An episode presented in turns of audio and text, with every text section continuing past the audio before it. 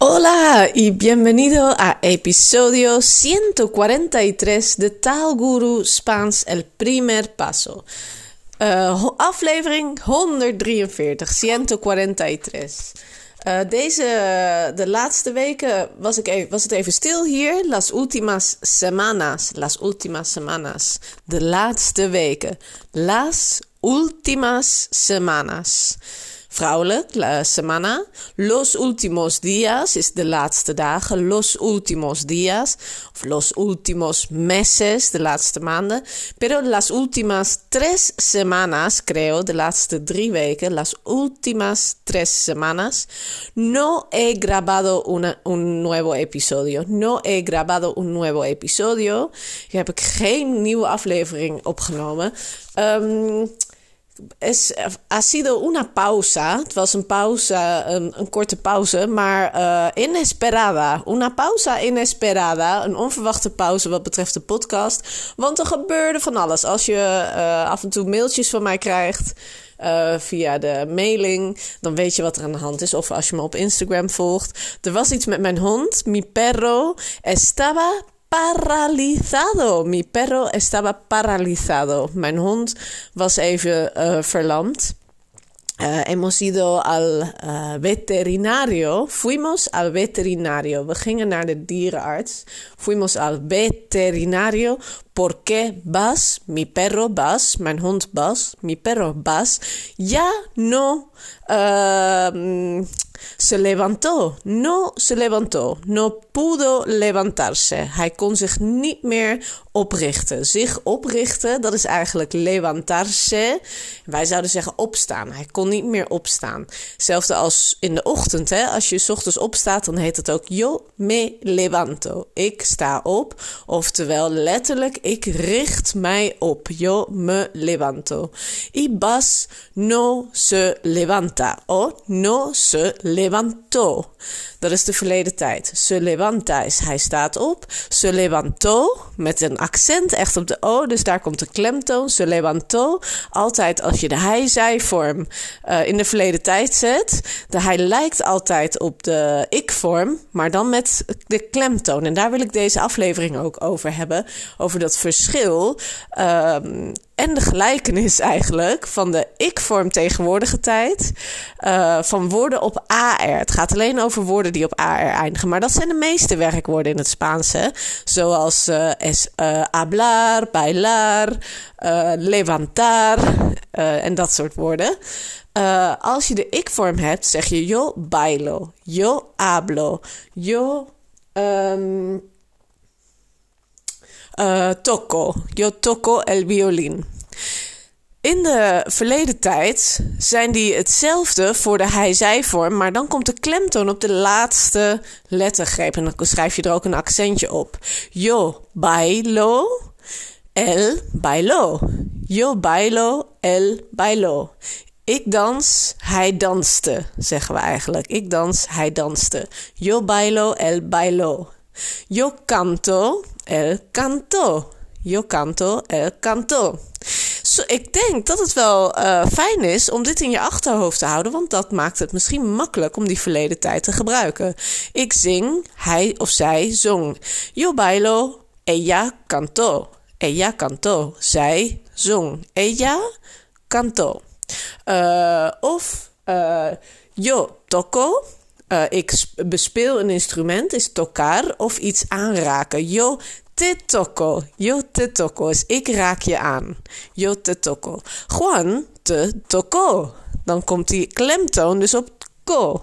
En uh, daarom is in dat, uh, met die tijden of woorden die op elkaar lijken, maar een andere klemtoon hebben, het wel heel belangrijk om die goed te hebben, omdat anders de betekenis gewoon anders is. Dus Juan te toco is Juan raakte jou aan. Ik raak je nu aan. Ahora yo te toco. Juan ayer te toco. Juan raakte jou gisteren aan. Uh, dus yo toco, Juan toco. En dan hebben we er nog een hablar. Yo hablo, ik spreek. Juan hablo. Juan sprak. Ik spreek, hij sprak. Uh, dus in het Nederlands is het een, een, heel klein verschil eigenlijk ook van spreek, sprak, e, a. En in het Spaans ligt die, uh, dat verschil in de klemtoon. Yo hablo, Juan habló, o mi padre habló, mis, uh, o mi amiga habló. Hij of zij sprak. En Uh, yo cada día me levanto a las 7. Cada día me levanto a las 7. Ik sta elke dag om 7 uur op. Ik richt mij op. Me levanto. Pero Bas, mi perro, hace dos semanas. Twee weken? Of bij al drie? Uh, hace dos o tres semanas, ik ben het ook helemaal kwijt. No se levantó. No se levantó. Yo me levanto, yo me levanto, dan komt het dus op ban. En Bas se levantó. Bas stond niet meer op. No se levantó. No se levantó. Dus uh, dat is wel goed om op te letten, vooral ook als je het Spaans hoort, dat je uh, daar een gevoel voor krijgt en ontwikkelt van praat die persoon nou over zichzelf in de tegenwoordige tijd over, of over iemand anders in de verleden tijd. Er kan een verwarring ontstaan. Dus let daar goed op, oefen daarmee en dan geef ik je gelijk een handige oefening mee ook om het vandaag al te doen. Uh, schrijf eens een rijtje woorden op op AR die je kent. Ik heb je er net een paar gegeven: hablar, bailar, cantar en tocar en levantar, maar er zijn er nog meer. Uh, despertarse. Uh, ja. Uh, woorden die een klinkerwissel hebben, wacht even. Uh, die tellen eigenlijk niet mee. Dus despertarse niet, want het is yo me despierto en el se desperta want in die uh, verleden tijd is die uh, klinkerwissel er niet. Dus die telt niet mee. Despertarse niet en jugar dus ook niet. Want het is yo juego, maar het is niet el juego. Dan blijft het gewoon een u, dus el jugo. Dus uh, niet met een klinkerwissel. Regelmatige werkwoorden zoals hablar, cantar, en uh, je kan er zelf vast nog wel wat bedenken op AR. Doe dat, schrijf ze op en kijk of je er korte zinnetjes van kunt maken. Voor zo'n oefening is het altijd belangrijk om het simpel te houden. Dus ga geen lange zinnen proberen te maken, want het is gewoon even een uitspraakoefening, een wer uh, werkwoordenoefening. Bijvoorbeeld, uh, yo canto mi canción favorita. Of nog simpeler, yo canto una canción. Ayer. Uh, en dan noem je iemand die je kent. één persoon, geen meervoud, maar één persoon. Ayer, mi marido, mijn man, cantó una canción. En dan ga je die achter elkaar steeds opnoemen. Yo canto, mi marido cantó. Yo canto, mi marido cantó. Yo hablo, mi marido habló. Yo hablo, mi marido habló. Door dat vaak te herhalen, gewoon even drie minuutjes of zo nu. En later op de dag nog een keer drie minuutjes. En dan voor je gaat slapen nog een keer drie minuutjes. Zo ga je die dingen langzaam in je systeem krijgen. Maak elke keer andere zinnetjes. Gebruik andere werkwoorden, zodat het steeds een beetje verandert. Maar op die manier raak je langzaam gewend. En over een week of over tien dagen doe je deze oefening nog een keer. Herhaling is belangrijk en afwisseling. Dus daarom steeds andere woordjes bedenken, andere korte zinnetjes maken.